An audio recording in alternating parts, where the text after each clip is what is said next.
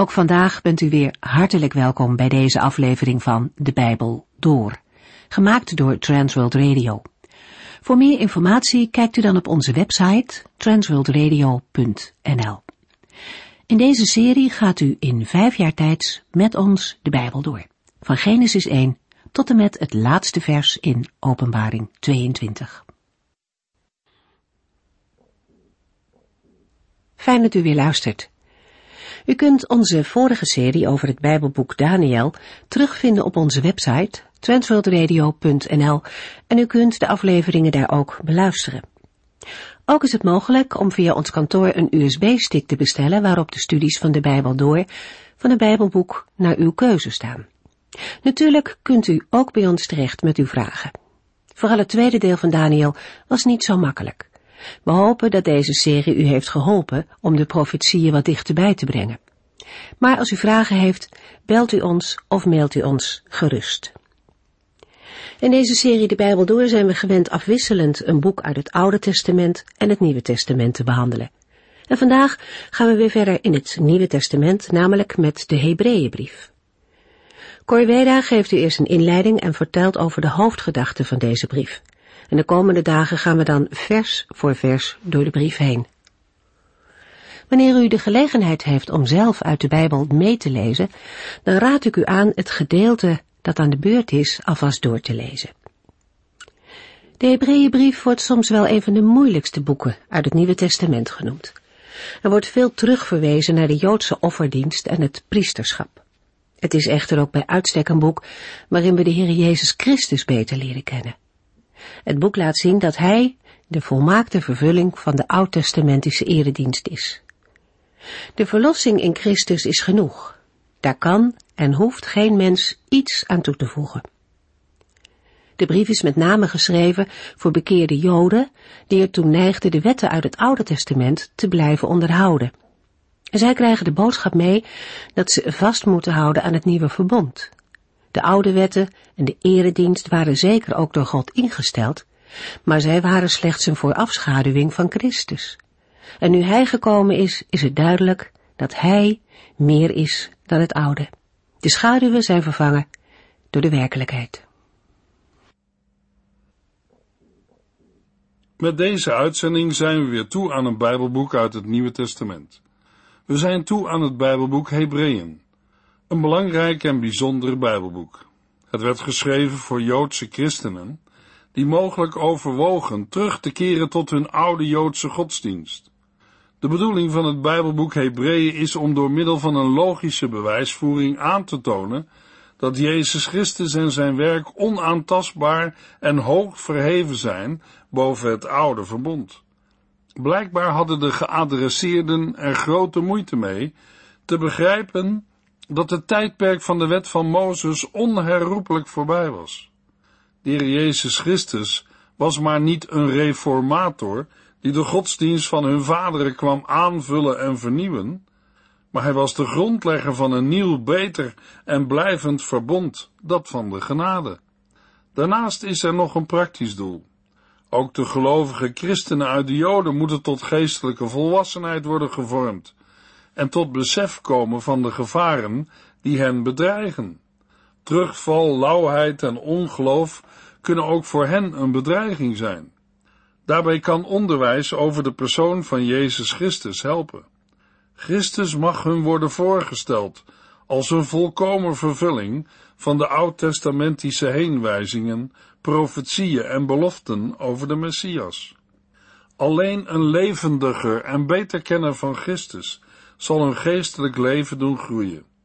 Veel Joodse gelovigen, die van het Jodendom waren overgegaan tot het christendom, wilden daarvan terugkeren om te ontkomen aan de vervolging door hun landgenoten.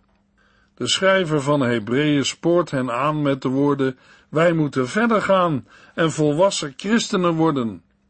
In andere vertalingen lezen we: Laten wij ons richten op het volkomene. In zijn oproep gaat de schrijver ervan uit dat Christus groter en belangrijker is dan het Joodse stelsel. Christus is groter en belangrijker dan de engelen, want de engelen aanbidden hem. Hij is groter en belangrijker dan Mozes, want hij schiep hem. Hij is groter en belangrijker dan het priesterschap van Aaron, want zijn offer was voor eens en altijd. Hij is groter en belangrijker dan de wet, want hij is de middelaar van een beter verbond.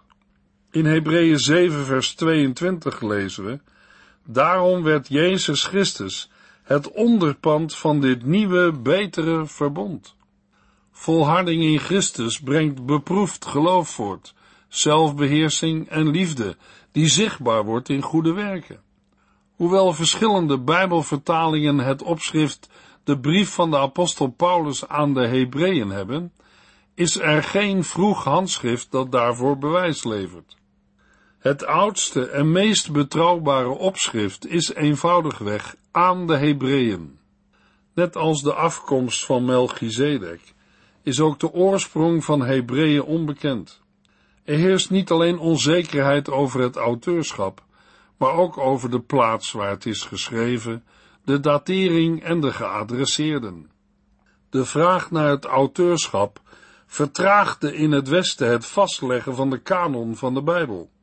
Ondanks de vroege steun van Clemens van Rome werd de vraag gesteld of het Bijbelboek Hebreeën wel bij de Bijbelboeken van het Nieuwe Testament hoorde. Pas in de vierde eeuw werd het Bijbelboek in de Westerse kerk algemeen aanvaard als gezaghebbend. Toen dit vraagstuk werd opgelost door verklaringen van Hieronymus en Augustinus. In de Oosterse kerk bestond er geen probleem over het opnemen van Hebreeën in de kanon, omdat het werd gezien als één van de veertien brieven van Paulus. Het probleem werd tijdens de Reformatie weer ter sprake gebracht, maar de geestelijke diepgang en de kwaliteit van het Bijbelboek Hebreeën getuigden van zijn goddelijke inspiratie, ondanks het feit dat men niet wist wie de schrijver was. Toch blijkt uit Hebreeën 13 dat het Bijbelboek niet anoniem was.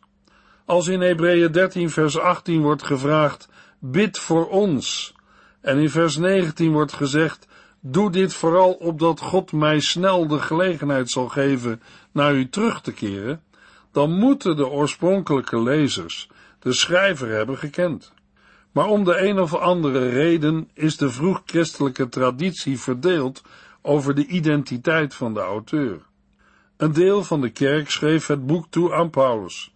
Anderen gaven de voorkeur aan Barnabas, Lucas of Clemens, en sommigen verkozen de anonimiteit.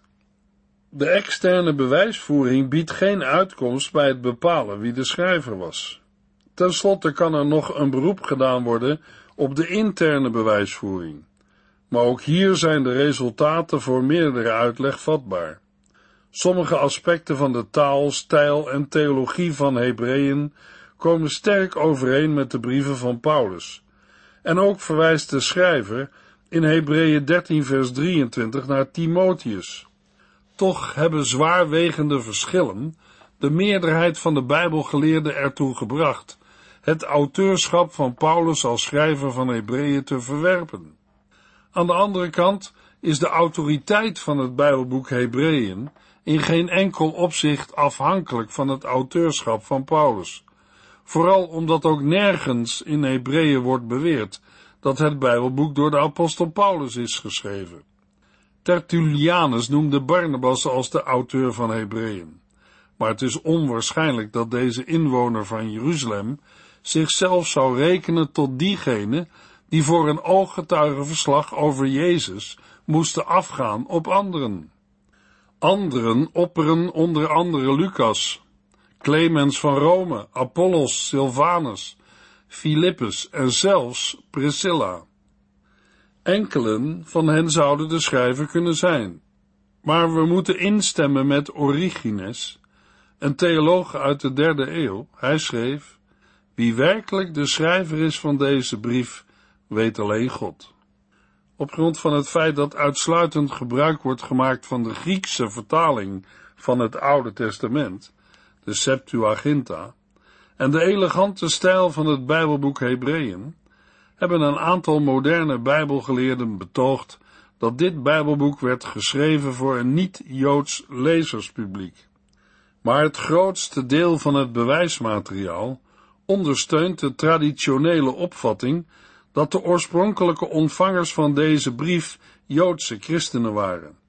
Behalve het oude opschrift aan de Hebreeën, is er ook het frequent citeren van het Oude Testament als onbetwistbare autoriteit. Daarnaast de kennis van de offerplechtigheid en de vele contrasten tussen christendom en jodendom. Ze worden genoemd om de lezers ervan te weerhouden terug te vallen in de godsdienst van het oude verbond.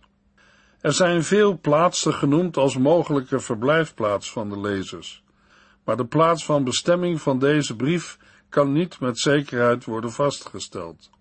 In het verleden werd in de meeste gevallen Jeruzalem aangewezen, maar deze opvatting roept vier problemen op. 1. 1. Het is onwaarschijnlijk dat in een geschrift gericht aan inwoners van Israël uitsluitend geciteerd zou worden uit de Septuaginta in plaats van uit het Hebreeuwse Oude Testament. 2.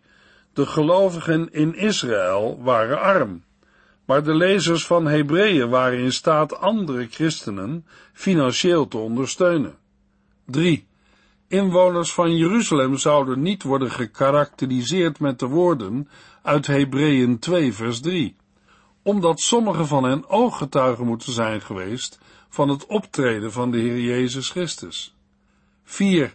Maar u hebt nog niet op leven en dood tegen de zonde gestreden, sluit niet aan bij de situatie in Jeruzalem. Op dit moment is het meerderheidsstandpunt dat de ontvangers van de brief aan de Hebreeën waarschijnlijk in Rome woonden. De woorden in Hebreeën 13 vers 24, u ontvangt de groeten van de christenen in Italië, lijkt aan te geven dat bewoners buiten Israël de groeten laten overbrengen aan broeders en zusters in hun vaderland. De ontvangers van deze brief waren christenen, die door de prediking van ooggetuigen van Christus tot geloof waren gekomen. Ze waren niet pas tot geloof gekomen, en ze hadden met succes verdrukkingen doorstaan vanwege hun opkomen voor het evangelie. Helaas waren ze traag in het horen geworden. In Hebreeën 2 vers 1 lezen we, daarom moeten wij heel aandachtig luisteren naar de waarheid die wij hebben gehoord, anders zullen wij ervan vervreemd raken. Volgens Hebreeën 3 liepen zij gevaar af te vallen van het geloof. We lezen in vers 12, Pas er dus voor op, broeders en zusters, dat geen van u slecht en ongelovig wordt, doordat hij zich in zijn hart van de levende God afkeert. Het maakte hen bijzonder kwetsbaar voor de vervolgingen die opnieuw tegen hen uitbraken. En de schrijver achtte het noodzakelijk deze negatieve ontwikkeling een halt toe te roepen als hij schrijft, mijn vermanende woorden. Hoewel er verschil van mening bestaat over de specifieke aard van het gevaar, lijkt het aloude standpunt gesteund te worden door de hele strekking van het Bijbelboek, namelijk dat de lezers op het punt stonden terug te vallen in het Jodendom om te ontkomen aan de christenvervolgingen. Het herhaaldelijk benadrukken in Hebreeën van het beter en belangrijker zijn van Christus boven de wetten en regels van het oude verbond zou geen zin hebben gehad als de lezers op het punt stonden terug te keren naar het gnosticisme of het heidendom. Het is niet bekend waar het Bijbelboek is geschreven, maar bij benadering kan de datering wel worden vastgesteld. In het jaar 95 na Christus werd uit Hebreeën geciteerd door Clemens van Rome. Maar omdat vermelding van de beëindiging van de oud-testamentische offerdienst ontbreekt, bij de verwoesting van Jeruzalem in 70 na Christus, moet het Bijbelboek voor die datum zijn geschreven. Volgens het slot van Hebreeën was Timotheus nog in leven. De vervolgingen namen toe en de oude Joodse eredienst stond op het punt te worden afgedaan. Dit alles maakt een datering tussen het jaar 64 en 68 na Christus aannemelijk. Als we nadenken over hoe Christus wordt voorgesteld in het Bijbelboek Hebreeën, dan zien we dat het Bijbelboek, als het enige in het Nieuwe Testament, de Jezus Christus voorstelt in zijn ambt als hoge priester. Christus is onze eeuwige hoge priester naar de ordening van Melchizedek.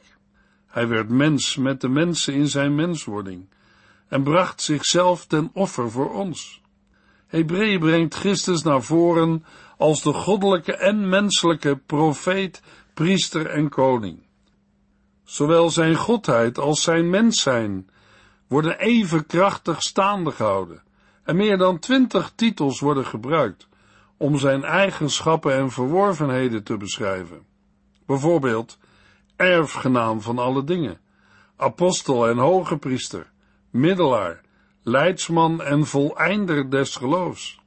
Hij is verheven boven allen die hem voorgingen en brengt het hoogste offer. Hij is de hoge priester en middelaar van een beter verbond. Het groter en belangrijker zijn van Christus is een sleutel tot het begrijpen van het Bijbelboek. Het grondthema van Hebreeën vinden we in de woorden groter en belangrijker.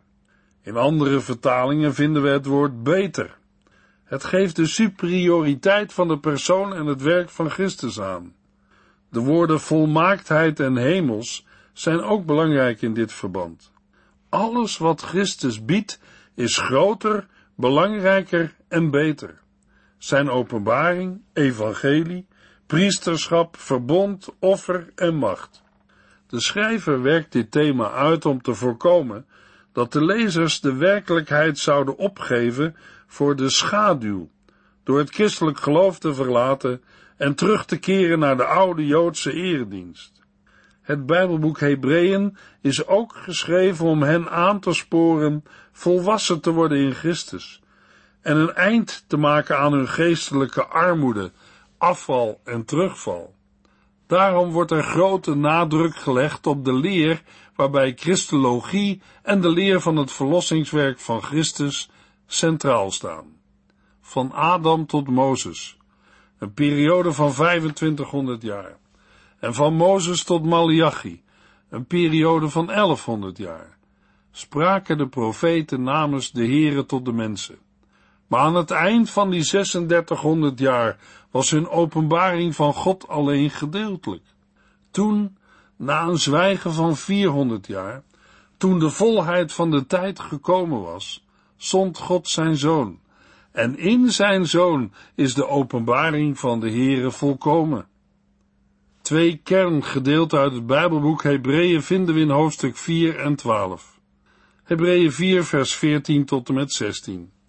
Dit betekent dat Jezus, de Zoon van God, onze grote hoge priester is, die naar de hemel is gegaan om ons te helpen. Daarom moeten wij geen ogenblik aan hem twijfelen. Deze hoge priester begrijpt onze zwakheden, omdat hij dezelfde verleidingen heeft gekend als wij. Maar hij heeft er geen ogenblik aan toegegeven. Hij heeft nooit gezondigd. Laten wij daarom vrijmoedig naar de troon van God gaan om van hem genade te ontvangen, om hulp te krijgen, juist in die ogenblikken dat wij het moeilijk hebben. En in Hebreeën 12, vers 1 en 2 lezen we een tweede kerngedeelte. Nu zo'n grote menigte van getuigen ons ziet en aanmoedigt, moeten wij alles afleggen wat ons hindert en ons bevrijden van de zonde die zich aan ons vastklemt. Wij moeten de wedstrijd voltooien die voor ons ligt, zonder op te geven. Daarbij moeten wij blijven kijken naar Jezus, die ons de weg wijst. Hij is het doel van ons geloof. Hij kon zich aan het kruis laten slaan en de schande negeren, omdat hij wist welke blijdschap hem te wachten stond. En nu zit hij aan de rechterzijde van de troon van God. Als we in Hebreeën op zoek gaan naar een hoofdstuk dat eruit springt, dan komen we terecht bij Hebreeën 11. In Hebreeën 11 vinden we het geloof door de eeuwen heen. Het hoofdstuk wordt ook wel genoemd de galerij van de geloofsgetuigen of helden. In hoofdstuk 11 worden diegenen vermeld die bereidwillig de Heer op zijn woord geloofden, zelfs als er niets anders was om zich aan vast te klampen dan zijn belofte. Kenmerkend voor alle die opgesomd worden, is de erkenning dat het onmogelijk is zonder geloof God te behagen of welgevallig te zijn. In Hebreeën 11 vers 6 lezen we, wie tot God komt moet geloven dat hij bestaat en dat hij beloont wie hem zoeken. In een andere vertaling lezen we, Want wie tot God komt, moet geloven dat Hij bestaat en een beloner is voor wie Hem ernstig zoeken. Als we nadenken over het geheel van Hebreeën, dan is het Bijbelboek, vergeleken met de andere nieuwtestamentische Bijbelboeken, uniek in zijn stijl en manier van benadering. Van alle Bijbelboeken van het Nieuwe Testament blijft alleen het auteurschap van Hebreeën een raadsel. In dit diepzinnige werk wordt door middel van een opeenstapeling van argumenten de verhevenheid van Christus geponeerd. Hij blijkt in ieder opzicht groter, belangrijker en beter te zijn. Als persoon is hij meer dan de engelen, Mozes en Jozua.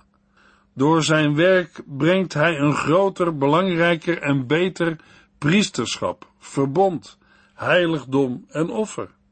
Blijkbaar lopen de lezers gevaar terug te vallen in het oude Joodse geloof vanwege het lijden dat ze moeten dragen omwille van hun geloof in Christus. Door eraan toe te geven en niet te volharden, zouden ze terugvallen van de werkelijkheid in Christus naar de schaduw van de wet van Mozes. De schrijver wisselt zijn positieve weergave af van de oppermacht van Christus met vijf ernstige waarschuwingen tegen het gevaar te vervreemden van Christus. Het zijn verspreide waarschuwingen tegen slapheid en vervreemding en niet willen luisteren. Nadat de schrijver het Oude Testament heeft aangehaald om het groter, belangrijker en beter van de persoon van Christus en zijn werk aan te tonen, spits hij deze waarheden toe op de praktijk van het christelijk geloofsleven, om te laten zien hoe voortreffelijk het leven van een gelovige mag en kan zijn. We horen de schrijver in Hebreeën 10, vers 35 tot en met 39 zeggen, laat de moed niet zakken, want als u de Heere trouw blijft, krijgt u een grote beloning. U moet volhouden om de wil van God te doen. Als u dat doet, krijgt u wat hij heeft beloofd. In de boeken staat immers, het zal niet lang meer duren, voordat hij die komen zal terugkomt. Hij kan elk ogenblik komen. De mensen die rechtvaardig zijn, zullen door hun geloof echt leven. Maar als iemand God de rug toekeert, heeft God geen vreugde meer in hem. Wij horen niet bij de mensen die God de rug hebben toegekeerd en de ondergang tegemoet gaan. Nee, wij horen bij de mensen die op God vertrouwen en gered worden. Ten slotte kunnen we het Bijbelboek Hebreeën in drieën verdelen. Hebreeën 1 vers 1 tot en met 4 vers 13 gaat over het groter, belangrijker en beter zijn van de persoon van Christus. Hebreeën 4 vers 14 tot en met 10 vers 18 gaat over het groter, belangrijker en beter zijn van het werk van Christus. Hebreeën 10 vers 19 tot en met 13 vers 25 handelt over de verhevenheid van het christelijk geloofsleven. In plaats van met de gebruikelijke groet, begint Hebreeën direct met het thema het groter, belangrijker en beter zijn van de persoon van Christus, zelfs boven de oud-testamentische profeten. Het christendom baseert zich op de hoogste vorm van goddelijke openbaring, de persoonlijke openbaring van God in zijn mens geworden zoon. Daarom is Christus groter dan de profeten en ook groter dan de engelen. Dit komt naar voren in zijn naam, zijn positie, zijn aanbidding door de engelen en zijn menswording. De zoon van God kreeg deel aan vlees en bloed en was in alle opzichten aan zijn broeders gelijk, om vele van zijn zonen in zijn heerlijkheid te laten delen. Christus is ook groter, belangrijker en beter dan Mozes, want Mozes was een dienaar, terwijl Christus de zoon is in het huis van God de Vader. Op grond van deze waarheden wordt erop aangedrongen om te ontkomen aan het komende oordeel dat zal worden uitgesproken over het ongeloof. Door hun ongeloof kon de generatie van de uittocht uit Egypte niet de generatie van de verovering van Canaan worden. En de rust die Christus biedt, is zoveel groter dan de rust die Jozua bracht. Daarom worden de lezers aangespoord in te gaan in de eeuwige rust die hun eigendom mag zijn door het geloof in Christus. Het hoge priesterschap van Christus is beter dan die van Aaron. Doordat hij mens is geworden, kan Christus meevoelen met onze zwakheden, omdat hij in alle dingen op gelijke wijze als wij is verzocht geweest, maar zonder te zondigen. Christus was geen leviet, maar had de bevoegdheid verworven voor een hoger priesterschap naar de ordening van Melchizedek. Dat Melchizedek de meerder is van Levi, blijkt uit het feit dat Levi eigenlijk via Abraham tienden aan Melchizedek heeft betaald. Abraham werd gezegend door Melchizedek. En het is zo dat het mindere door het meerdere wordt gezegend. In de ingelaste waarschuwing in Hebreeën 5 en 6 worden de lezers aangespoord zich te richten op het volkomene, door voort te bouwen op het fundament van verlossing en bekering. Christus is een eeuwige en volmaakte hoge priester en middelaar van een beter verbond geworden. Door het nieuwe verbond is het oude verbond verouderd. Onze grote hoge priester doet zijn dienst in de grotere en meer volmaakte tabernakel, niet met handen gemaakt, dat is niet van deze schepping. En anders dan de vroegere priesters heeft hij zichzelf gebracht als een zuiver en vrijwillig offer. In Hebreeën 10 tot en met 13 past de auteur toe wat hij heeft gezegd over het groter, belangrijker en beter zijn van Christus, door zijn lezers te waarschuwen voor het gevaar dat ze lopen als ze het geloof in Christus vaarwel zeggen.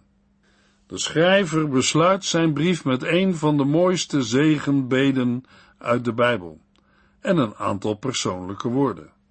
In de volgende uitzending lezen we Hebreeën 1 vers 1 en 2. U heeft geluisterd naar De Bijbel Door, in het Nederlands vertaald en bewerkt door Transworld Radio. Een programma waarin we in vijf jaar tijd de hele Bijbel doorgaan.